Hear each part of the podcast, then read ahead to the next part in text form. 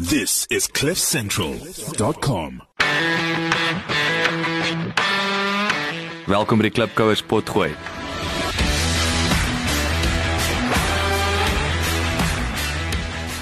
Klipkouers waar ons elke week met Afrikaner entrepreneurs en impakmakers gesels ten einde die beste praktiese besigheids- en lewensadvies met jou te deel. Jou gasheer en mede-klipkouer, Jacques Basson.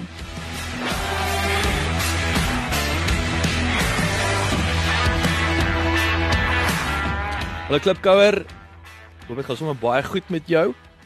En ehm um, dankie dat jy weer inskakel. Dankie dat jy luister. Dankie vir jou ondersteuning. Ek sit natuurlik hierso in die ateljee vir die eerste keer hierdie jaar uh op my eie. Want ehm um, natuurlik klipkouers soos soos jy weet, ek uh dis baie belangrik dat daar's nie net natuurlik die plaaslike entrepreneurs is baie belangrik hierso, maar daar's 'n internasionale DNA in hierdie pot gooi. En dis vir my heerlik om uh alhoewel is nie heerlik om alleen in die ateljee te sit nie, maar dit is vir my heerlik om 'n bietjie op Skype onderhoud te hê. Wat beteken my volgende gas is nie in Suid-Afrika nie. Sy sit in Amsterdam dam op hierdie oomblik. En ek wil net sê Mia Kreer van Kreer Internasionaal, welkom. Dankie vir jou tyd. Dankie Jacques, is lekker om met julle te gesels. Sê vir my Amsterdam, hoe lyk dit daar nou? Hoe lank is jy daar? Hoe gereeld gaan jy? Dis lekker, is lekker. Hoe gereeld is jy in Suid-Afrika? Gee ons 'n bietjie 'n snapshot. Weet jy, ek is op hierdie oomblik, um of hoe dit hier lyk, is eerstens dalk een van die voordele op hierdie stadium terwyl almal koud kry in die winter in Suid-Afrika, is ek nou hier in 'n heerlike somer. En Europa het op hierdie oomblik 'n um, regtig 'n lekker somer. Die meeste van die plekke het eintlik hittes wat 'n bietjie ongewoon is vir hierdie tyd van die jaar vir hulle. So dis 'n dis 'n heerlike tyd lank daar, die son sak laat, so dit geniet ek nogal. Mens kan baie maak van jou dag. Ek is gereeld in Suid-Afrika. Ek is tussen Suid-Afrika Ehm um, as ek daar is meestal in Johannesburg en in Kaapstad. Ek spandeer ook heelwat tyd um, op 'n kwartaallikse basis in Mauritius en dan hierso in Amsterdam wanneer ek in Europa rondbeweeg, baseer ek myself hier en reis ek van hier van Amsterdam af omdat dit so gerieflik is. En ja, ek soos ek sê gereeld in Suid-Afrika. Ek was verlede week in Suid-Afrika en ek is ek's minstens op 'n kwartaallikse basis daar vir 2 of 3 weke. Ja, sien, dit is ehm um dis baie opwindend. Dit seker ehm um, maar sê sê vir my die die Amsterdam, jy het jy het nou nou genoem vir my dit ons nou vooraf bietjie ge, gesels het. Jy sê is vir jou makliker om uit Amsterdam uit versus Londen met die met die uh uh, uh gevliegery. Ja, weet jy Jock, die ehm um, wanneer ons net kyk na ag basiese dinge soos paspoortbeheer, is maar een van die tydrowende ehm um, um, hekkies wat 'n ou moet deurgaan by 'n lughawe en wanneer 'n ou uit uit die uit Engeland uitreis en jy wil enigiewers anders in Europa heen beweeg, dan moet jy nog steeds deur daai paspoortbeheer gaan en dit is maar soos jy self weet 'n redelike tydrowende storie. Wanneer 'n ou in Europa rondbeweeg, dan gaan jy natuurlik nou nie daardeur nie en dit ehm um, dit maak dit baie makliker vir 'n mens as jy wil rondbeweeg in Europa. So ek dink dis 'n groot voordeel vir my. Ehm um, ek vind ook die lughawe self hier Schiphol is baie naby aan die stad. Dit is 'n klein stad soos ons vroeër gesels het. Mens kan maklik rondbeweeg in die stad self. Baie vriendelike um, openbare vervoer en dan ehm um, ja, en dan is dit net makliker om van Schiphol af te reis, 'n meer effektiewe lughawe as wat ek enige van die Engelse lughawens beleef. Dis baie interessant. Sê vir my voor ons nou 'n bietjie dieper delf in in in in die besigheid in Ehm um, Amsterdam natuurlik ook. Dit is half dit is 'n uh, 'n uh, uh, uh, baie multinationals daar, né? Ja, dit is. Ek moet sê dit is nogal 'n baie interessante um, besigheidsomgewing. Soos jy sê, dis nogal uiteenlopende besighede wat hulle self hier vestig vir verskeie redes. Um ek ek vind nogal hier op die grond is daar baie tegnologiese vooruitgang, baie fokus daarop. En um en en baie van die besighede wat hulle self hier gevestig het of dit nou hulle hoofkantore of um een van hulle groot kantore is, het 'n baie um moderne aanslag um hier wanneer hulle besigheid van hier af bedryf en dis nie net in terme van hoe hulle besigheid doen nie, maar ook in terme van hulle werksmag en hoe hulle die mense die vryheid gee om um amper tot 'n mate meer informeel te kan wees. So ek dink dis regtig waar um, iets wat my aantrek aan Amsterdam is die is die, die besigheidsomgewing selfs hier alhoewel ek nie besigheid hier doen nie. Um ek maar net van hier af werk. Sien ek dit en ek ervaar dit baie positief. Dis baie interessant. Ehm um, ek is dit Nike dink ek is een van die groot spelers wat hulle hoofkantoor is ek het nie mis dit uh, Europese hoofkantoor in Amsterdam het nie. Ja, maar... weet jy dis dis een van die wat jy nou jy noem dit reg. Nike is hierso dan het ons ehm, 'n um, groot Amerikaanse maatskappy wat ek dink nie Suid-Afrikaners so vertroud mee is nie, maar Suit Supply is 'n is 'n redelike groot besigheid wat ook hier is. Een wat almal sal ken is Booking booking.com. Mm, ja, ek ek geniet geniet om hulle te gebruik. Ja, en um, en weet jy daar's 'n klomp sulke tipe besighede hier in Amsterdam wat meeste mense ken. Um een van, jy weet, ugh, baie van hierdie besighede het soos ek sê, van hulle hoofkantore of hulle grootste kantore in Europa hier in Amsterdam. Wat wat dink jy en ek wil dis nou jy weet Amsterdam is natuurlik het, het nou ook sy interessante sy interessante sy uh as ons as ons nou dink aan die aan die aan die rooi lig distrik en die koffieshops en al daai dinge. Dink jy daai het alles impak op daai kultuur of of ek sê eerder so vra, wat dink jy dryf daai moderne uh uh uh moderne manier van dink om om jou jou jou jou span en jou besigheid te bestuur daar? Weet jy, ek dink dit daar is verskeie dinge wat dit kan dryf, maar ek dink jy's tot 'n mate 'n uh, um 'n oopgesindheid in wat ek wat ek ervaar in Nederland en veral in Amsterdam.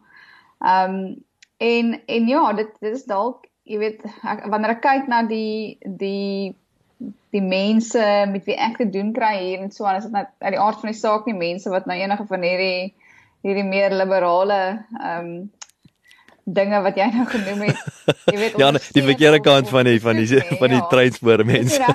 Dis nie regtig mense, jy weet die mense wat die plaaslike mense hier en mense wat hier woon selfs die expats, dis nie eintlik mense wat ehm um, jy weet te veel te doen het met daai gedeelte van Amsterdam nie. Daai is maar meer die toeriste deel. Ja.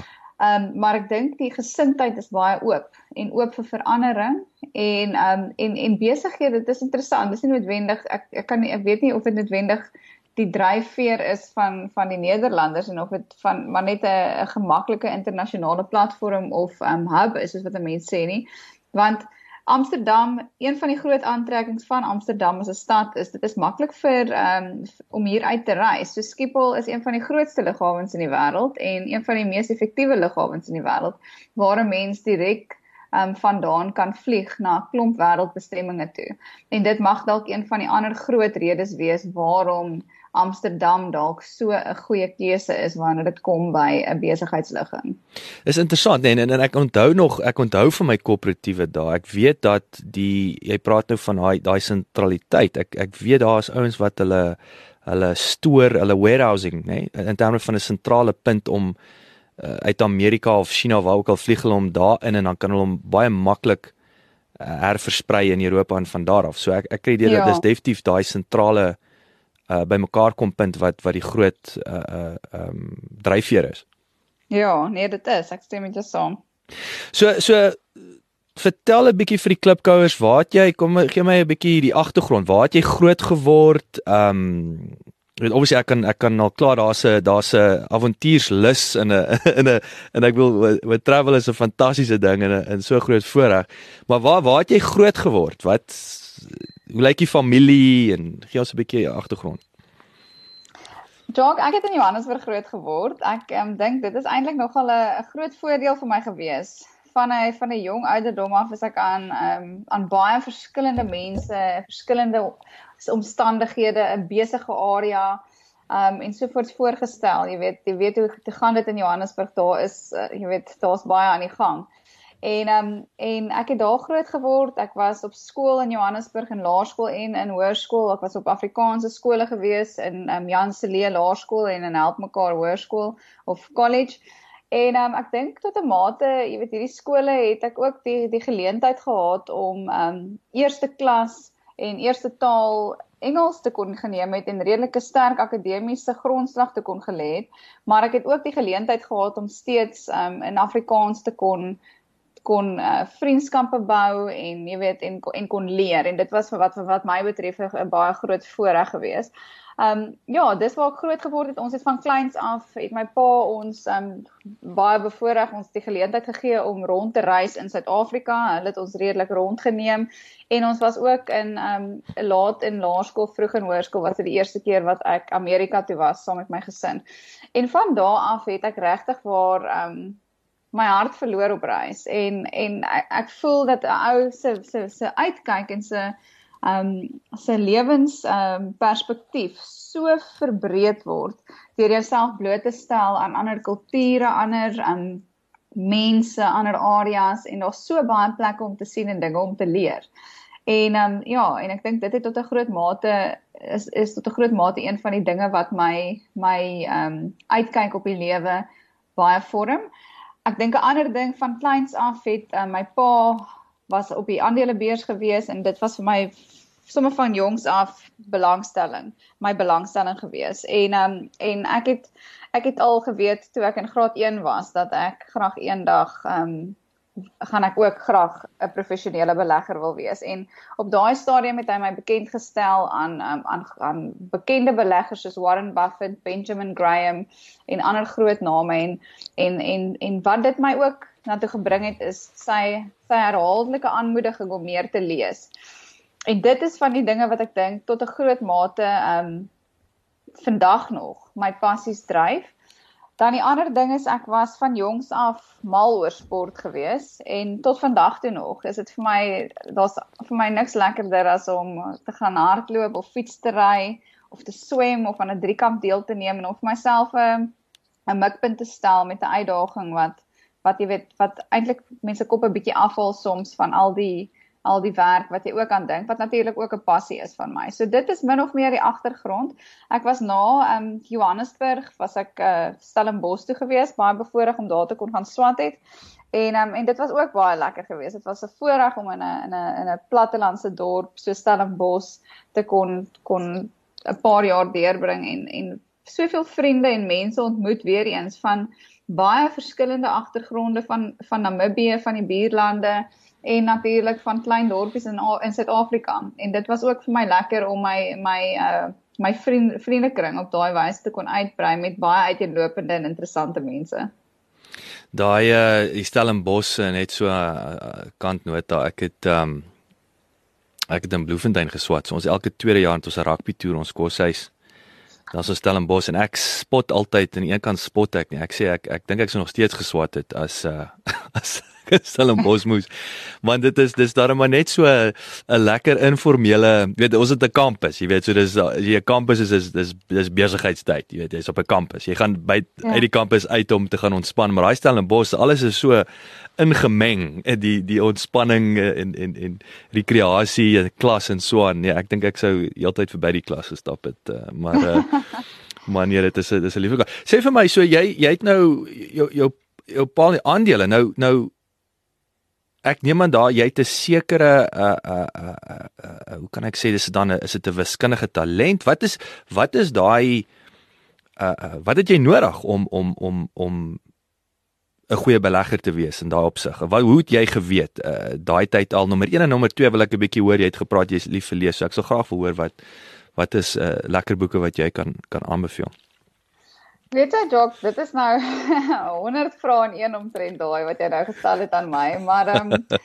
weet jy, ek dink in die eerste plek is ek 'n voorstander daarvan dat ehm um, enige iemand kan leer om wiskunde te doen en daarvan te hou. So dit is nie vir my iets wat ehm um, tot 'n uit uitverkore en uitverkiesde groepie mense met 'n hoë intelligensie vlak um, beperk hoef te word nie. Dit gaan vir my oor die um, baie oor die ingesteldheid. Het jy uh, het jy 'n gierige en 'n leer ingesteldheid en is jy bereid om uh, oor en oor te probeer tot jy 'n ding reg kry? En ek dink as 'n mens so ingesteldheid het, kan jy enige iets bemag en en ehm um, en en vermag eerder in die in die lewe. Maar dit nou, dis nou maar net 'n mening daaroor. Ek dink ehm um, dit was dit was 'n belangstelling by my, jy weet en en en van daar af was wiskunde toevallig toe een van my, dit is my gunsteling vak gewees op skool en ek het aanvanklik Stellenbosch toe gegaan en en aktuariële wetenskap begin studeer en al hoe meer agtergekom dat ek steeds wil bly in die rigting van van beleggings en dat ek graag 'n professionele belegger wil word en dis ook weer eens 'n baie breë term. Maar um, ek het ook besef dat ek nie noodwendig ek, ek twyfel dat ek 'n aktuaris wou word en ek het al hoe meer begin fokus op my statistiek. Ek het na varsity na my honeurs het ek toe uh, besluit om meer navorsing en uh, werk te begin doen in menslike gedrag of behavioral finance soos wat uh, wat meer algemeen in Engels na verwys word. En ek het my CFA um studies verder verder voltooi en en my benaming gekry en, en dit was die grondslag jy weet die akademiese grondslag wat wat ek dink my loopbaan toe opgebou is.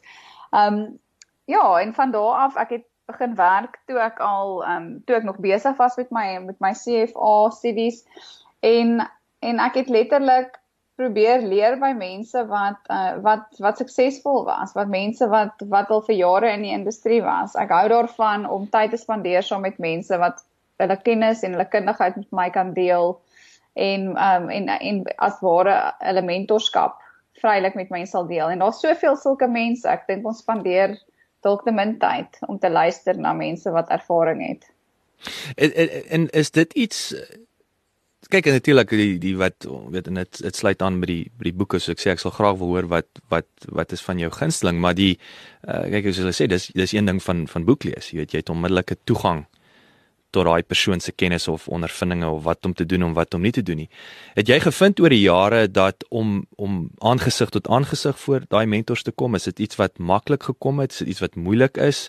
Want ek vind dit is iets wat wat wat ek agterkom um mense doen nie. Mense doen nie. Ek ja. het ek het al met ek het nou dag met 'n pel vir my Kobus, hy weet dit. Hy ek ek roep hom uit want hy hy ek weet hy luister en hy gaan hy gaan hy gaan 'n glimlag, maar ek onthou dit was ook een van daai uh uh jy weet 'n mentor, maar hoeveel ouens het jy al gevra?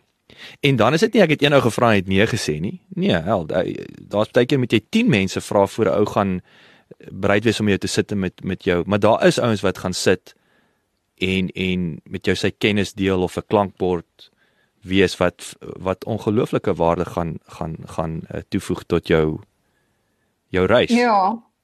Weet jy ek ek ek dink daar's baie daar's baie maniere om hierna te kyk, ehm um, Jock, maar jy weet die die gretigheid om eerstens ehm um, hmm. mense gesels graag met jou as jy gretig is om na hulle te luister en ehm um, hulle deel graag hulle ervaring en hulle kennis met jou as jy bereid is om tyd af te staan en let en en en en, en na hulle te luister en op jy weet om om moeite te doen om dit te doen. Daar's min mense wat wat ehm um, wat wat dit sal wat wat daarvan af sal wegstap sonder om om regtig waar met jou gesprek te wil hê. Maar ek dink ook 'n mens word omring deur soveel mense met goeie ervaring en ehm um, wat 'n mens net meer tyd mee moet spandeer en wat jy net meer na moet luister en meer oop moet wees uh vir dit wat hulle gedoen het al en vir die deel van hulle ervarings as wat ek dink meeste van ons meeste van die tyd is. En ek ek preek vir myself, jy weet ek dink daar's meer as genoeg, daar's baie geleenthede wat ek ook beter kan benut um om te leer by mense wat baie meer ervare is as ek in verskeie areas in die wêreld. Jy jy het iets aangeraak wat en dit, kom vir my terug wat ek ek het ek sê ek het snaaks genoeg die die die die tema van van netwerk uh kom op. Ek het in vorige episode ook genoem ehm um, die woord netwerk vir my het het het het 'n te breë definisie 'n uh, verkeerde definisie. Ehm um, vir my is dit verhouding verhoudinge is verhouding bou. En ehm um, ek wonder ook wat jy daar gesê het. Baie keer ouens wil nie regtig aan jou voete sit en luister nie. Hy hy hy soek geld of hy soek 'n koneksie of iets. Ja. En, en ek dink dit is ek het so iets gehoor ook wat jy daar gesê het van ons wil regtig kom sit en leer en luister nie. Hy soek 'n shortcut. Ja. Weet jy ek dink dit is maar 'n ehm um, dit is maar 'n 'n tendens wat ons sien in die wêreld waar daar daar is 'n baie groot en ek dit dit hierdie is op 'n probleem dink ek op op verskeie vlakke mense is gewoond aan onmiddellike um onmiddellike bevrediging van van dit wat hulle dink hulle behoeftes is. Um en mense sukkel met selfdissipline en om te om hulle om die um om te wag op 'n goeie op 'n goeie uitkoms. Jy weet, mense, dis nie vir mense maklik nie. Ons kyk daarna wanneer mense kyk na mense wat hulle geld aanwend en hoe hulle spaar en hoe hulle um emosioneel optree op die korter termyn. En en ons sien dieselfde met mense se eetgewoontes. Dit is moeilik vir mense om um, gedissiplineerd te bly by 'n gesonde eetplan. Dit is moeilik vir mense om gedissiplineerd te bly uh, by oefenprogramme. En um en ek dink daar dit gaan baie oor dissipline, dit gaan oor um selfdissipline eerder en dit gaan oor um en dit gaan tot 'n groot mate dat dit is so maklik in die wêreld vir mense om onmiddellik te kry wat hulle wil hê dat dit vir hulle moeilik is en dat hulle sukkel om hulle self te oortuig dat dit die moeite werd is om um, om om daardie uh daardie voordele waarop jy wag te kan uitstel. Um een van die van die dinge wat ek dink in die wêreld ook seker die grootste verslawing is, is skuld. En dis dieselfde situasie. Mense is nie meer mense spaar nie vir wat hulle wil hê nie, want hulle kan hulle kan nou geld gaan leen en hulle kan dit kry wat hulle wil hê dadelik sonder sonder groot moeite. Um en dit het 'n dit het 'n dit het 'n slegte kultuur geskep by mense waar hulle die in die gewoonte gekom het dat enigiets wat hulle wil hê, hulle onmiddellik kan kry. En soos ons weet, in meeste van die gevalle is is hierdie dinge nie tot jou voordeel nie. Dis so waar nê nee, en ek en ek dink ook jy weet behalwe vir daai wag vir daai uh, kan ek sê om om geduldig te wees. Uh, jy weet ek dink die groot ding ook en en ek dink meeste ouens besef dit of dalk nie, maar die die die die ware pret is in die proses.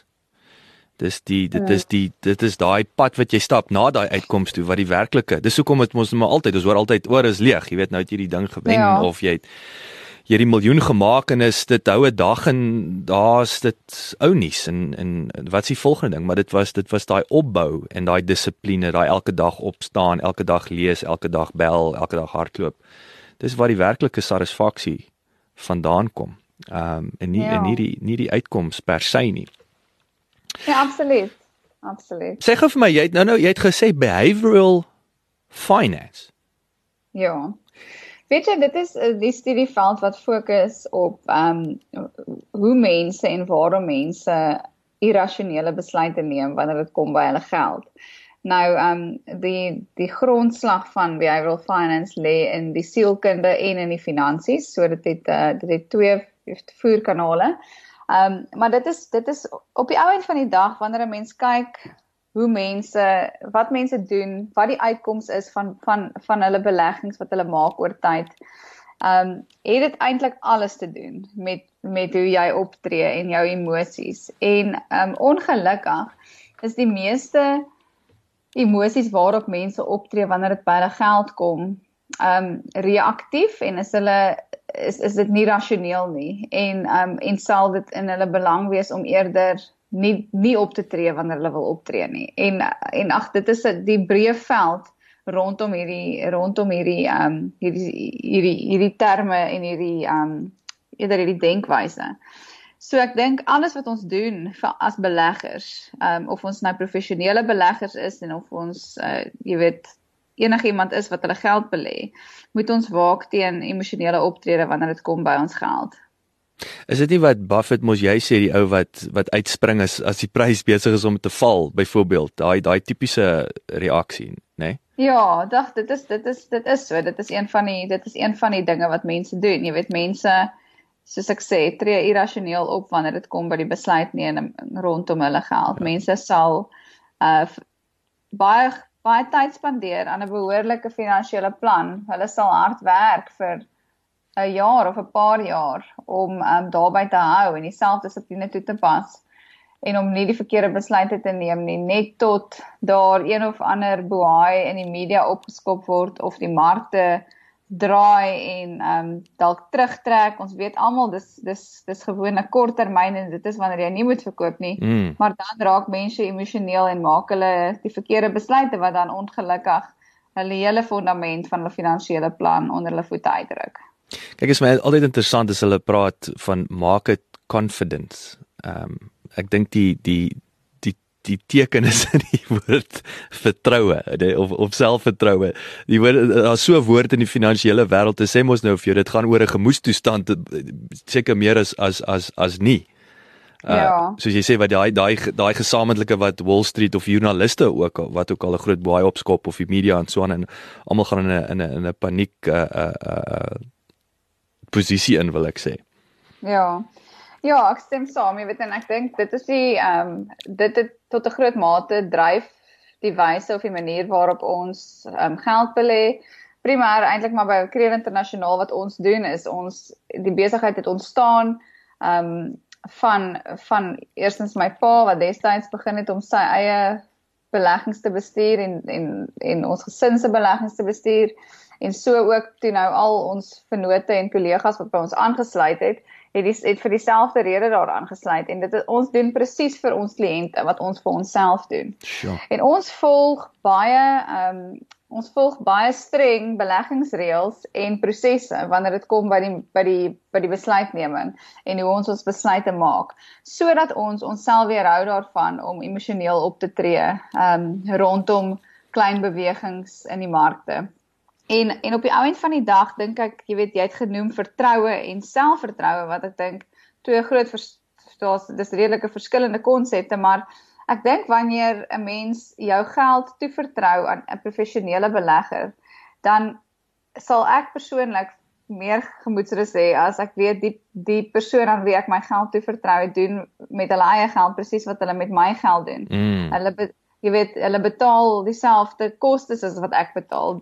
Daardie dinge is vir my op die ou end van die dag die grootste getuigskrifte en sal vir my meer gemoedsrus gee as om uh een of ander finansiële produk by iemand te koop waar hulle dit aan jou verkoop omdat hulle 'n kommissie daarop verdien en hulle en jy nie weet of hulle hulle eie beleggings op dieselfde manier doen nie wat hulle heel waarskynlik nie doen nie. Um en ek dink daai vertrouensverhouding rondom om 'n pad te stap en en en dit wat jy het toe te vertrou aan iemand wat met dieselfde sorg en um en en verantwoordelikheid optree met jou geld as wat hulle met hulle eie geld optree is vir my 'n redelike sterk getuigskrif.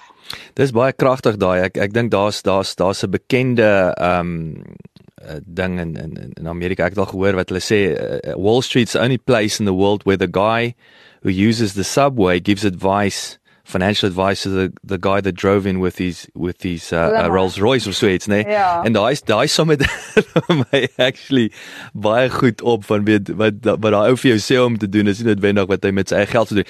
Maar nou vertel my nou 'n bietjie meer. Jy het nou gesê so waar waar die besigheid, jy weet, belegging maar natuurlik ek ek ek's baie geïnteresseerd om te hoor wat se tipe besighede, wat se tipe industrie, wat is die agtergrond? Dan oor waar waar is die het die groei gekom oor die jare uh en en weet waarheen leen julle nou weet na toe en hoe dinge verwikkel oor die jare. Ja, weet jy, ek dink ehm um, soos wat die is soos wat die navorsing ehm um, jy weet gedoen word in in die in in ons in die in die finansiële bedryf hou ons baie by dit. So ons volg, ons doen self baie navorsing, ons lees baie navorsing. Ons het 'n toegewyde ehm um, beleggingsspan in Credit Internasionaal wat konstant besig is met hierdie navorsing en met die toepassing daarvan. Soos ek gesê het, waar ons dan baie streng beleggingsreëls en riglyne volg om so min emosie as moontlik in te bring in die in die besluite wat ons neem. En die doelwit van al hierdie dinge wat ek sê wat baie jy weet kompleks en deurmekaar mag klink vir mense wat nie noodwendig 'n groot belangstelling daarbey het nie, is dat ons wil graag met die meeste sekerheid die beste uitkoms kan bepaal en of kan behaal eerder. En dit is die manier hoe ons al ons beleggingsbesluite en keuses maak. Ons neem nie um, ons neem nie risiko's wat ons nie vergoed voor kan word nie. Ons ons doen slegs dit wat ons dink oor tyd vir ons um konsekwent die mark gaan laat uitpresteer um op 'n baie klein basis partykeer, maar maar konsekwent. En konsekwent is vir my die groot en die belangrike woord hierso en dan natuurlik verantwoordelik. En um en ja, dit is die doelwit wat ons het. Ons wil graag ons wil graag op 'n konsekwente wyse deurlopend die mark uit kan presteer. En soos jy sê, daar's heeltyd nuwe navorsing in hierdie in hierdie bedryf. Ons um ons volg ons is baie bevoorreg om deel te kan wees van um verskillende liggame soos byvoorbeeld die uh, the Chartered Financial Analyst Organization of Society in Suid-Afrika en die wêreld. Daar is top navorsing wat daar uitkom. Ons lees baie van die ehm um, van die van die van die verskillende universiteite in Amerika in die in die ehm um, VK en ensovoorts en selfs hierso in Amsterdam het is daar navorsingshuise wat baie goeie werk doen oor konsekwentheid wanneer dit in beleggings kom. En ehm um, en ja, dit is die dit is die mense met wie ons onsself um, probeer omring, die navorsing waarmee ons onsself probeer omring. En dit is die basis van van van dit waarop ons ons besluite maak op 'n daaglikse basis. So in in terme van die die die belegging self, is dit koop jy aandele in maatskappye, is dit in ander fondse? Hoe lyk hoe lyk daai ja. definieer vir vir my belegging? So 'n belegging is uh, is wat my betref 'n beleggingsportefeulje bestaan uit verskillende bateklasse en um, en dit is waar die diversifikasie inkom is oor die verskillende bateklasse. Nou mens beleggingsportefeuilles is 'n dit is 'n redelike omslagtige term soos jy nou ook self sê, maar ons verkies om blootstelling te kry aan elke bateklas op die mees koste-effektiewe wyse wat ons kan. So ons is nie getroud aan 'n spesifieke manier om byvoorbeeld blootstelling te kry aan aan aandele nie. Ons weet aandele is die bateklas wat jy oor die langtermyn in jou portefeulje moet insluit om die beste groei oor die langtermyn te kry, maar oor die korttermyn kan daardie skommeling um redelike groot pryswisselvalligheid in 'n portefeulje inbring en dis waarom 'n mens dan na die gebalanseerde portefeulje toe neig. Maar wat net om terug te kom by die bateklas self. So mense kan byvoorbeeld aandele blootstelling kry deur direk in aandele te belê. Met ander woorde in 'n persoonlike aandelerekening kan jy die aandele gaan koop. Jy kan dit doen deur van verskillende sekuriteite gebruik te maak. Ehm um, jy kan dit doen deur bestuurde fondse ensovoorts. So ons kyk na al die opsies en al die maniere hoe ons blootstelling kan kry aan die bateklas en ons neem die mees direkte en die mees koste-effektiewe manier om dit te doen. Dis natuurlik sluit natuurlik dan belastingoorwegings ensovoorts in. So uit die aard van die saak, soos wat die navorsing ehm um, soos wat die navorsing ontwikkel, is dit nie altyd dieselfde roete nie. So ja, die maklike antwoord is ons het blootstelling aan direkte aandele, so groot en bekende name wat 'n mens wat ons almal ken as ons kyk na ons byvoorbeeld in ons internasionale portefeuilles is Microsoft en Apple van die grootste name in ons portefeuilles. Hmm. En um, en dit is ma maatskappye wat almal mee kan vereenselwig. Dis daai blue chips, so, né? Nee? Dis nou die tradisionele ja, blue chip. Ja. So die tradisionele blue chips maak maar die die basis uit van meeste van van portefeuilles se grootste aandele blootstelling. Hoor jy net so terloops, julle het is se 3 3 miljard. Wat het julle eintlik Ja, so Credit Internasionaal bestuur so 3.5 miljard uh, rand se bates. Sjoe. En ja, waarvan ons omtrent op 'n direkte en indirekte basis so 40% ehm um, buitelandse blootstelling het. En dan en dan ehm um, en in Suid-Afrika self is weer eens blue chips, that's is dis die dis dis dis die veiligste of of is daar uh, ek wil sê is daar of kom ek vra jou so, jy weet ek nou jy het nou gepraat van balans, jy weet so is daar 'n uh, 'n uh, 'n uh, 'n persentasie wat in 'n bietjie meer hoë risiko industrie of of uh, jy weet blootgestel word of is dit oor die algemeen meer 'n konservatiewe benadering? Ag, dokter weer eens hierdie ek dink ons ons vra hier probeer ons 'n uh, baie jy weet 'n baie komplekse ehm um, onderwerp in 'n redelike kort vrae antwoord wat ek dink nie eintlik noodwendig in ons ehm um, luisteraars se belang noodwendig sal wees nie, maar Ehm um, ja, so soos ek gesê het, ons fokus op 'n totale beleggingsportefeulje en 'n totale beleggingsportefeulje is gediversifiseerd oor bateklasse, met ander woorde gediversifiseerd oor kontant of geldmarkprodukte, gediversifiseerd of sluit ook in ehm um, staatseffekte, korporatiewe effekte, uh genoteerde eiendom en dan dan natuurlik genoteerde aandele. En en die manier hoe jy daai portefeulje saamstel, hang af van die belegger se behoeftes. So mense se behoeftes is so uiteenlopend dat 'n mens dit alles eers moet in ag neem voordat jy die samestelling van so 'n portefeulje kan finaliseer. Wat ons doen is ons bestuur uh verskillende fondse met verskillende blootstellings aan. Sommige het 'n laer blootstelling aan aandele wat met ander woorde vir 'n mens vir 'n korter termyn minder pryswisselvalligheid bied en dan ander um an, an, ander beleggings en en en portefeuilles is weer uh, basies slegs blootgestel aan aandele. Dan het ons natuurlik buitelandse portefeuilles en plaaslike portefeuilles.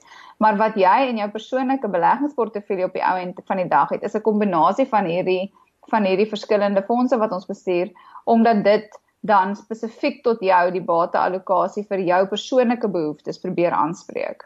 OK, ek het dit.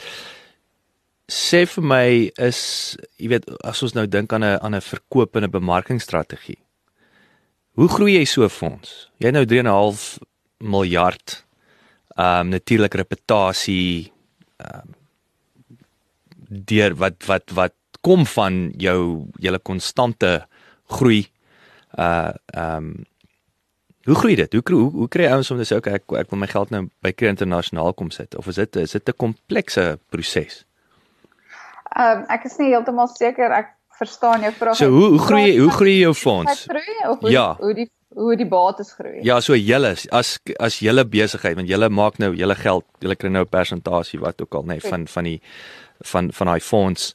Ehm um, maar as jy nou môre is 'n aspirasie om 'n 10 miljard fonds te word byvoorbeeld en kan jy daadwerklik 'n plan in plek stel om by 10 miljard uit te kom? Hoe hoe werk daai wil ek sê uh, verkope strategie as ek dit nou so kan vereenvoudig um, in in in julle wêreld? Of is daar nie so iets nie? Wel, weet jy, ek sal eerder vir dit so antwoord. Soos ek gesê het, primêr is ons professionele beleggers met ons eie geld. Hmm. So ons wil graag dit so goed as moontlik bestuur en dit is omdat ons dit daarop fokus, is dit die aantreklikheid vir ons kliënte en ons tevrede kliënte is gewoonlik die ouens wat die meeste verwysings gee vir mense wat wat dalk ook 'n tevrede belegger sal wil wees by Creer Internasionaal. En um en en daardie is die manier waarop ons sou ek sê die heel meeste uitbrei. Um is net deur mense wat praat met mekaar en wat tevrede is met die manier waarop hulle hulle geld sake bestuur word by Creer Internasionaal.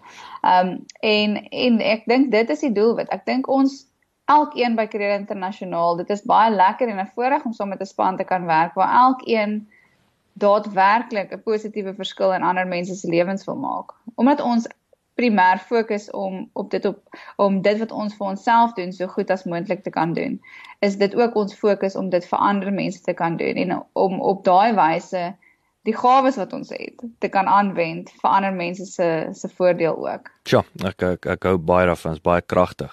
So die die die die punt is al hierdie ander ouens wat bykom is is so soos hy sê a nice to have. Maar dit maak nie eers saak of hulle bykom nie, want julle fokus, julle doen julle ding vir die, vir julle eerste, maar omdat julle dit so goed doen is dit natuurlik. Uh uh so ek sê julle julle so sê I lead by example. Um wat julle so aantreklik dan maak vir vir vir uh, ander persone en maatskappye.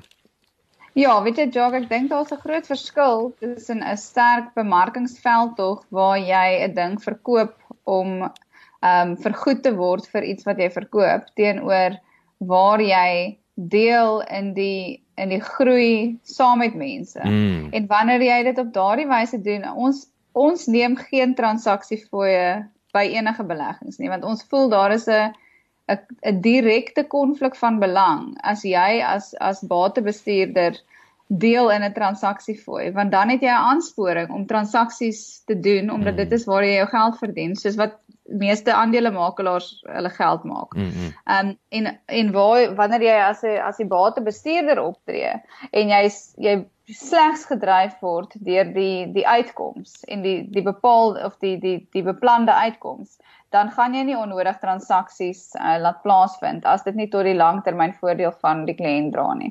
En ek dink dis dieselfde wanneer dit kom by die bemarkings um, bemarkingsaspek. Ons wil graag primêr dit wat ons doen so goed as moontlik doen. Dis waar ons fokus lê. En ons weet as ons gelukkig is met ons eie met ons eie sake, dan kan ons dit dan sal die mense vir wie ons dit doen, soos wat ons dit vir onsself doen, ook gelukkig wees met die uitkoms daarvan. Hmm, ek hou ek hou baie daarvan. Sê vir my is is is dit uniek in die beleggingswêreld wat julle doen? Ek dink tot 'n groot mate dit is nie. Wanneer ek kyk na een van die mees suksesvolle beleggers in die wêreld wat meeste mense van gehoor het of ken of dalk navolg of oorlees is Warren Buffett. En Warren Buffett doen dieselfde hy belê sy geld en mense wat wat van hou daarvan hou hoe hy sy geld belê het hulle geld vir hom gegee om om ook so te belê. En dit is die dit is hoe die hele Berkshire Hathaway uh, gegroei het tot waar hy vandag is. Ek sien ek sien. Maak sin. Foute. Wat wat van die grootste foute of lesse wat jy geleer het in hierdie tyd Hm, ek dink dit is kom ek sê so, daar's daar's uit die aard van die saak kan 'n mens vir my persoonlik het ek, jy weet, dat ek klomp goed. Ek dink ehm um, ek dink die toep die selfdissipline toepassing wanneer dit kom by besluite wat geneem word is vir elke persoon die moeilikste omdat dit deur emosie gedryf kan word. Hmm. So maar net om daarby te kan bly, dink dink ek is 'n baie goeie manier om foute te voorkom en om um, om om om jy weet om jou om jou rug of hoe kan ek sê die die grondslag te behou van dit wat jy regtig wil doen. Um kan nou nie spesifiek dink aan aan enige foute wat wat vir my so uitstaan wat ek nou kan gesels oor hier met jou nie. Of selfs as jy iets wat jy dalk selfs in in die in die in die ek wil sê die oppositie of in die in die industrie self wat uh, foute wat die ouens uh selfs maak wat julle nie maak nie. Weet jy ek ek dink weer eens ja. Ek dink dit is vir my baie belangrik om nie um, om nie iets aan mense te verkoop nie. Mm. Want as jy iets aan iemand verkoop, dan wil jy onmiddellike vergoeding daarvoor hê en dan is dit jou dan is dit jou jou fokus. Maar om eerder iets te doen deur die regte besluite en en ehm um, en langtermyn grondslag toe te pas en te bestuur as om iets te verkoop. En ek dink jy weet ongelukkig in hierdie in in in die finansiële bedryf is is daar 'n baie sterk kultuur van verkope en bemarking rondom wat, wat mense dan dryf tot die koop van allerlei finansiële produkte wat nie noodwendig vir hulle geskik is nie. Maar hulle word hulle hulle word ehm um, oortuig om hierdie finansiële produkte te koop as gevolg van baie aantreklike bemarking wat baie geld kos, wat groot finansiële instellings betaal omdat hulle weer eens uit verkope uit baie kommissies maak op hierdie dinge wat hulle dan bemark. Hmm. So ek dink mense moet maar net versigtig wees vir ehm um, vir die feit dat dit so maklik is deesdae om of deesdae nog al die jare om om menself in 'n posisie te kry waar jy dalk beleggings of ehm um, of verskillende polisse of allerlei verskillende dinge wat aan jou voorgehou word as 'n goeie belegging in jou portefeulje insluit, maar wat eintlik glad nie gefokus is op jou persoonlike behoeftes nie. Jy is my so kragtige punt wat jy daar maak. Jy weet die hierdie verkoop en bemarkingsding. Ek bedoel ek ek ek het ehm um, ek het een van my koöperatiewe rolle in Londen jare terug was ek in die in die, in die sonbril besigheid en jy weet so dis nou dis dis dis uh dis die fashion, dis glamorous. Ek het altyd gesê die, ek ek reken hierdie ouens is die beste bemarkers in die wêreld. Uh, Inteendeel, ehm um, so al hierdie groot uh, handelsmerke uh, wat klere en en en, en handsakke en skoene maar ek was verkeerd. Die die beste bemarkers in die wêreld is is Wall Street. Dit is soos presies wat jy sê en in hulle hulle vat ook 'n ding wat baie eenvoudig is, maak hom baie kompleks, dolly hom op en hulle gaan smous hom. Ja. En en die resultate is hier daar. Nou wil ek ek wil vir jou uh, ek ek weet nie of dit kontroversieel is wat ek jou nou gaan vra nie. Jy moet vir my sê as jy nie vir my reguit kan antwoord nie. Maar jy het nou polisse in goed genoem. Dis my ervaring van Suid-Afrika. Ek dink jy weet oor die jare ek sien nou dat ek ook terug is. Jy weet jou polisie. Jy weet dis daai go-to, jy het jou ouens gaan smous die polisie, maar daar's die eerste 5 jaar betaal jy die of sal ek sê hierso word die finansiële instellings eerste betaal en dan kyk ons of daar groei na die tyd kom. Is is dit 'n is dit 'n sal ek sê is dit 'n ehm um, 'n regverdige aanmerking wat ek maak? is dit te kontroversieel? Ek wil nie ewe op Twitter trap nie. Ek ek gaan ek gaan eerder die volgende vir jou sê, um, want ek dink nie dis net wenig kontroversieel nie. Ek dink die 'n groot probleem is is dat ehm um, versekeringsprodukte soos polisse word aan mense voorgehou as beleggings. Mm. En um en in Suid-Afrika val die versekeringshuise nie onder dieselfde wetgewing en um reguleerder as wat wat diskresionêre beleggings val nie. Pragtig. En daar word byvoorbeeld um nie van hulle verwag of hulle word nie gedwing onder onder die wet om enige kostes te openbaar nie. Waar ehm um, dit wanneer dit by diskresionêre beleggings kom, dit die geval is. So ja, ek dink mense moet baie versigtig wees om versekeringsprodukte en polisse te misgis as beleggings want dit is baie moeilik om deursigtigheid te kry wanneer dit by die kostes kom daarvan. En dis wat hulle dit noem, nê. Nee. So hierso is 'n ernstige um, kan ja. ek sê gaping en en en en en is maar weer eens vir my lyk like met die bemarking die bemarking gaan goed onder die versekeringsmaatskappye. Nee, ja, en dit is die groot dit is die, dit is van die grootste maatskappye wat ehm um, aan die aard van die saak altyd jy weet van die grootste invloed het op besluitnemers en wanneer dit kom by regulasies. So Ek ek hoor jou. So is dis daai koöperatiewe game wat op 'n baie hoë vlak gespeel word. Daar's die die media komponent wat weer emosies of persepsies skep So en dit ja, dit is dit is fascinerend. Ek het nie dit besef nie. Sê so so nou nou so gepraat van die die ou daar op straat. Het julle is daar minimum 'n uh, 'n bedrag weet hoe hoe maak mens van julle gebruik in daai opsig vir, vir vir wie wie toegang nee. tot tot julle? Ja, enige iemand het toegang tot Kreer Internasionaal. Ek dink ons um jy weet dit is nogal die, die aantreklikheid vir ons. Ons wil graag enige iemand help wat hulle geld wil belê om dit te doen. Maar dit is 'n verhouding en um en weer eens mens kan nie vir ek kan nie vir iemand wat na my toe kom en vir my um sê hulle wil hê ek moet hulle geld vir hulle belê Ehm um, kan nie kan nie dink dat hulle vir my of verwag om vir my die verantwoordelikheid te gee alleenlik nie. Hulle en ek is gesamentlik verantwoordelik vir vir hulle geld. Hulle is op die ou en die rentmeester van daardie geld. En ehm um, en hulle moet net soos ek verantwoordelikheid neem vir hierdie verhouding wat ons dan bou. Dit is 'n pad wat 'n mens saam stap en daar is 'n bepaalde selfdissipline in wanneer 'n mens beleggingsbesluite neem. En dit is vir vir vir elkeen se eie se eie beswil.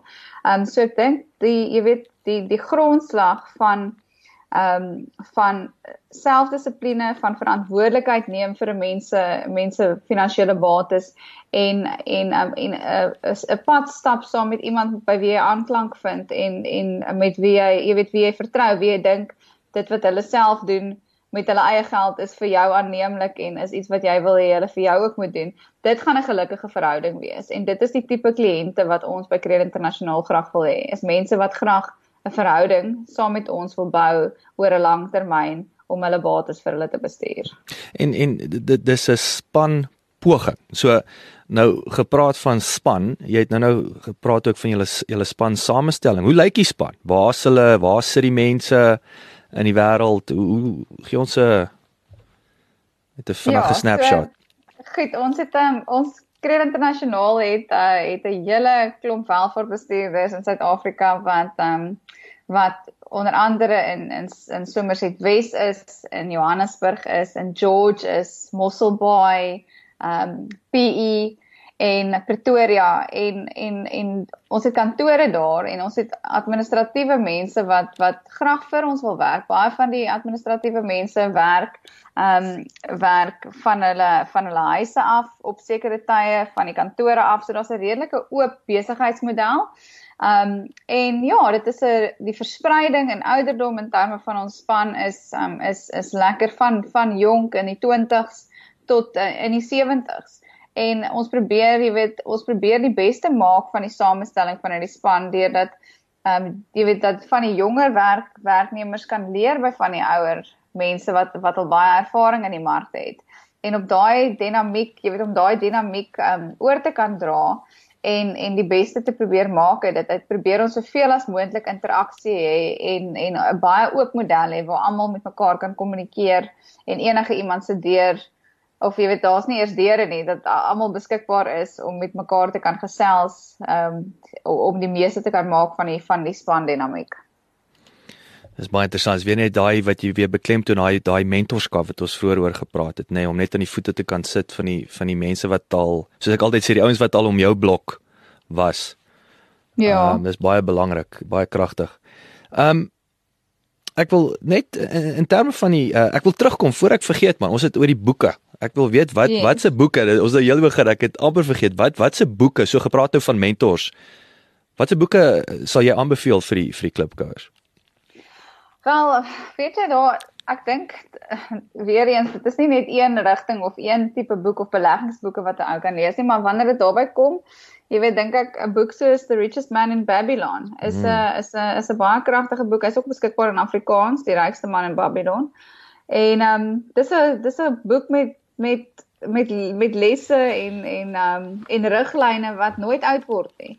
Jy weet en as jy gaan lees net gratis weer eens na deur al die beleggings um of deur al die aandeelhouersbriewe wat Warren Buffett al oor die jare geskryf het. Daar is soveel uh waarheid en lewenslesse en beleggingslesse in al daardie briewe en dis alles gratis op hulle webwerf beskikbaar. Um dan jy weet as 'n mens gaan lees hoe enige van enige groot entrepreneur wat sukses behaal het, hoe wat hulle gedoen het om te kom tot waar hulle is. Mense kan soveel leer by mense wat al ehm um, jy weet wat al sukses behaal het deur verskillende maniere en en en te kan nagaan, jy weet wat hulle wat hulle gedoen het. So ek sou sê ek hou nogal daarvan om te gaan lees van ehm um, van wat jy weet wat soos Jeff Bezos is vir my interessant. Ek het nou onlangs weer Elon Musk se boek gelees en ek het ehm um, ek het ja, ek het baie baie um, belangstelling by die navorsing en die en die werk wat hierdie mense doen. Hulle is so gedrewe in terme van dit wat hulle wil bereik. So dis nie net vir my oor beleggingsboeke wat ek wil lees nie, maar ook oor oor mense wat gedrewe is in in nuwe tegnologieë en die manier hoe hulle dinge doen en net in terme van ehm um, dit wat hulle graag wil bereik, elke liewe dag hard voor te werk. So gepraat van nuwe tegnologieë, jy weet hoe hoe dink jy gaan tegnologie hele industrie impakteer en of hoe doen dit heidaglik? Ja, ek dink daar's eh, daar's soveel verandering wat plaasvind. Ek dink die finansiële ehm um, bedryf het nog het het jy weet daar's baie geleentheid vir tegnologiese ontwrigting hier. Maar ehm um, dit is ook 'n moeilike 'n moeilike area omdat daar sulke streng regulasies is waaraan voldoen moet word en soos wat ons almal weet van van van regulasies, dis nie altyd ehm um, ehm um, dit is nie altyd in die guns van jy weet van besigheids ehm um, ontwikkeling nie en dis nie altyd in die belang op die ou end alhoewel dit die doelwit is van die belegger nie. Ehm um, dit maak dit nie noodwendig meer toeganklik vir beleggers ander die regulasies wat daar is nie omdat regulasies maar soos ons weet wêreldwyd dinge duur maak um om om om om uitgevoer te kry. So ek dink in ons in ons um in ons bedryf is daar soveel geleentheid vir uh vir ontwikkeling wat nuwe maniere van belê is. Dis nie net noodwendig um jy weet op 'n op 'n op 'n wyse dat 'n ou um nou net alles elektronies gaan doen nie, maar dat dit baie keer ook gaan oor uh jy weet oor elektroniese ehm um, elektroniese of tegnologiese middels of of maniere van dinge doen saam met iemand wie jy vertrou en dit is eintlik maar net daar om hulle werk op die ou end van die dag meer doeltreffend te kan maak. So baie tegnologie wat ons op die oomblik sien in die finansiële uh, bedryf gaan daaroor om om om om ehm um, prosesse en stelsels meer effektief te maak en om vir mense eintlik dan op die ou end van die dag meer tyd te kan gee om aan die verhoudings te bou en nie al hierdie dinge wat herhalend is wat eintlik deur tegnologie vervang kan word um, op te fokus en te moet doen nie maar dat hulle meer tyd het om op die op die verhoudinge te spandeer. Dis interessant. Hoe hoe dink jy gaan die blockchain tegnologie gaan dit gaan dit impak op julle besigheid hê? Ja, weet jy, dit het dit blockchain is is is 'n interessante tegnologie. Ek het um, nou so so 3 weke gelede, 4 weke gelede het ek 'n baie interessante konferensie in Berlyn bygewoon waar ehm um, daar oor verskeie onderwerpe gesels is wat ehm um, jy weet van die van die tekortkominge van blockchain of die probleme wat blockchain ook maar kan hê uitgewys het. Wanneer ons kyk na wat quantum computing doen en wat ehm um, en en jy weet in verskeie verskeie prosesse wat wat mense uh volg. Dit is nie blockchain is nie die die begin en die einde van van tegnologiese vooruitgang in die finansiële bedryf nie. Ek dink wel daar is 'n plek vir dit en dit gaan baie uh, prosesse raak en baie prosesse gaan gedryf kan word deur blockchain. Blockchain is ook nie noodwendig die vinnigste manier om transaksies te doen nie. So ehm um, ja, daar's 'n plek daarvoor. Dit is 'n baie ek dink 'n baie dieper en meer omslagtige ehm um, gesprek as net 'n vinnige 'n meningspeiling daaroor, maar um, ek dink daar's 'n plek daarvoor en ek dink dit gaan definitief 'n uh, impak hê. Ons sien reeds dit 'n impak. Ons sien reeds, jy weet, die die hoeveelheid uh, gesprekke en en ehm um, en en fokus wat daar geplaas word op net op ehm um, op die verskillende cryptocurrencies wat wat begin is met op die blockchain proses. Mm, mm. So ehm um, jy weet ek dink daar is definitief dit gaan definitief 'n impak hê, maar soos ek sê dis nie noodwendig een dit gaan nie noodwendig een ding wees wat jy weet wat wat we almal oor gaan praat nie. Daar is verskeie prosesse en en ehm um, en en en vakgebiede wat ek dink of nie vakgebiede nie. Ehm um, uh, prosesse sal ons eerder sê tegnologiese prosesse wat 'n impak gaan hê bo en behalwe blockchain. Wat wat vir my interessant is wat jy genoem het en en ek het vorige onderhoud het ons ook oor dit gesels oor oor verhoudinge nê en en hoe tegnologie En ek dink dis waar ouens en as ek dink selfs jy Jeff Bezos genoem en weet in in in uh veral met Amazon, ek het ek lees nou die dag 'n 'n vinnige so opsommingkie van waar die ou sê tegnologie het nie uh blockbuster geëindig nie. Het het jy weet as jy kyk na blok Netflix wat vir blockbuster, daar's hier verskillende uh, my kop slaat nou toe. Wat wat is nou tipiese besighede wat wat uh, Koska of Kodak wat wel al Kodak het die eerste digitale kamera ontwikkel. Maar waar is waar is Kodak vandag?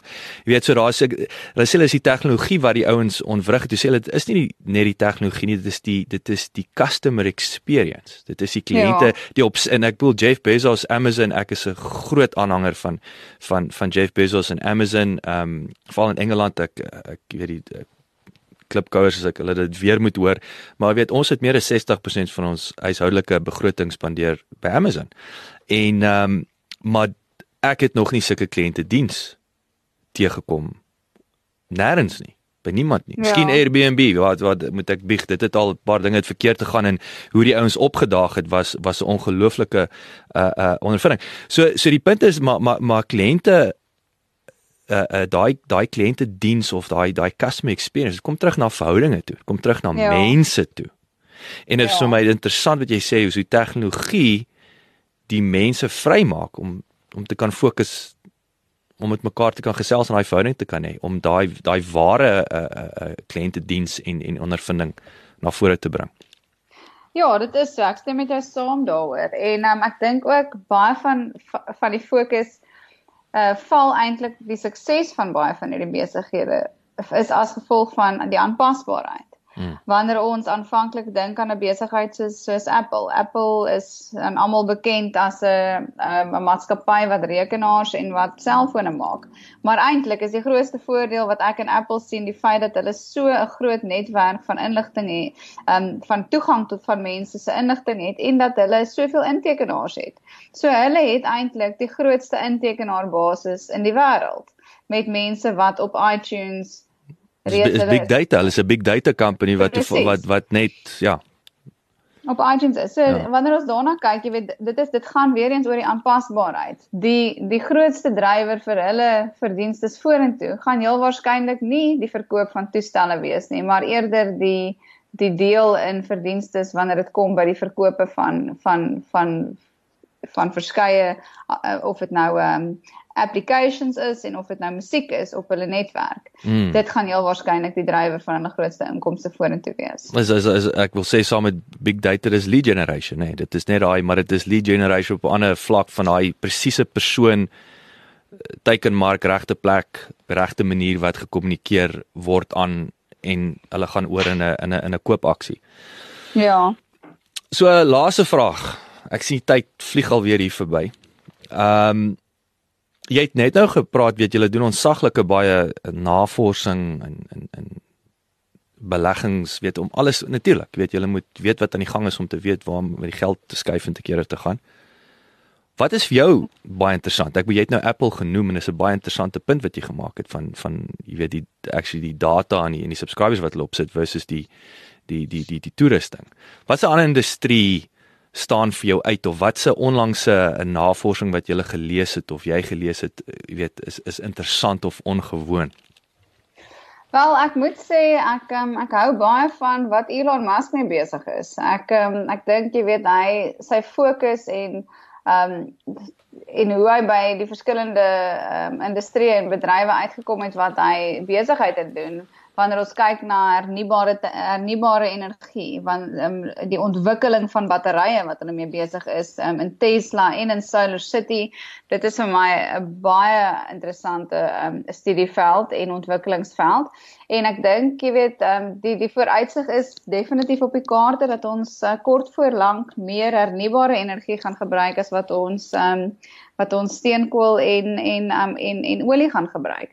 So daardie daardie verandering in die verbruiker se keuses en die beskikbaarheid van die tegnologie tot vir die verbruiker het so verander die laaste klompie jare dat ek dink dit is 'n baie interessante veld. En dan natuurlik uh konnektiwiteit en hoe mense op 'n op 'n globale basis eintlik um meer verbind geraak het die laaste klompie jare en dit is natuurlik op verskeie velde en verskeie um, industrieë en en en bedrywe wat dit impakteer. En ek ek wil vinnig aansluit want ek weet nou omdat jy 'n ywerige uh um drie kamper is en en hou van jou sport en so. En is natuurlik wearable tech ook, nê. Nee. Ek dink dis seker ook 'n ja. veld wat wat ongelooflike ehm um, doktere op jou arm tipe van ja. Uh, wat wat wat drastiese ja. aan die ontwikkel is.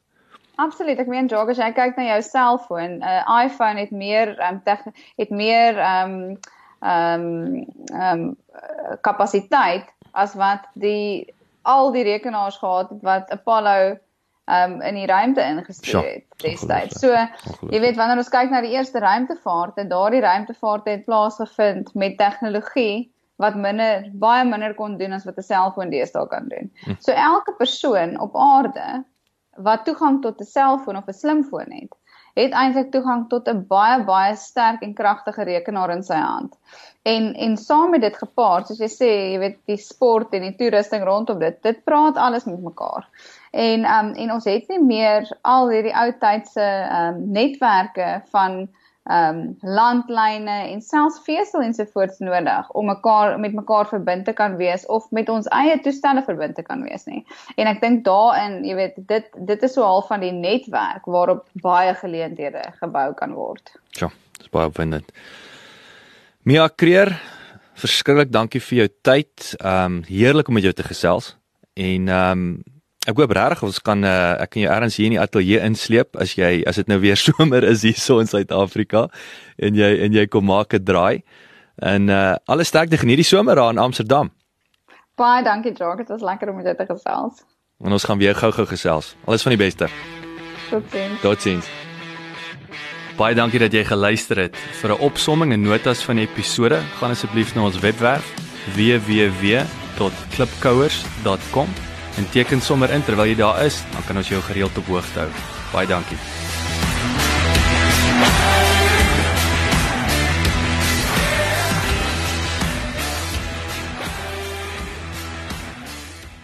This is cliffcentral.com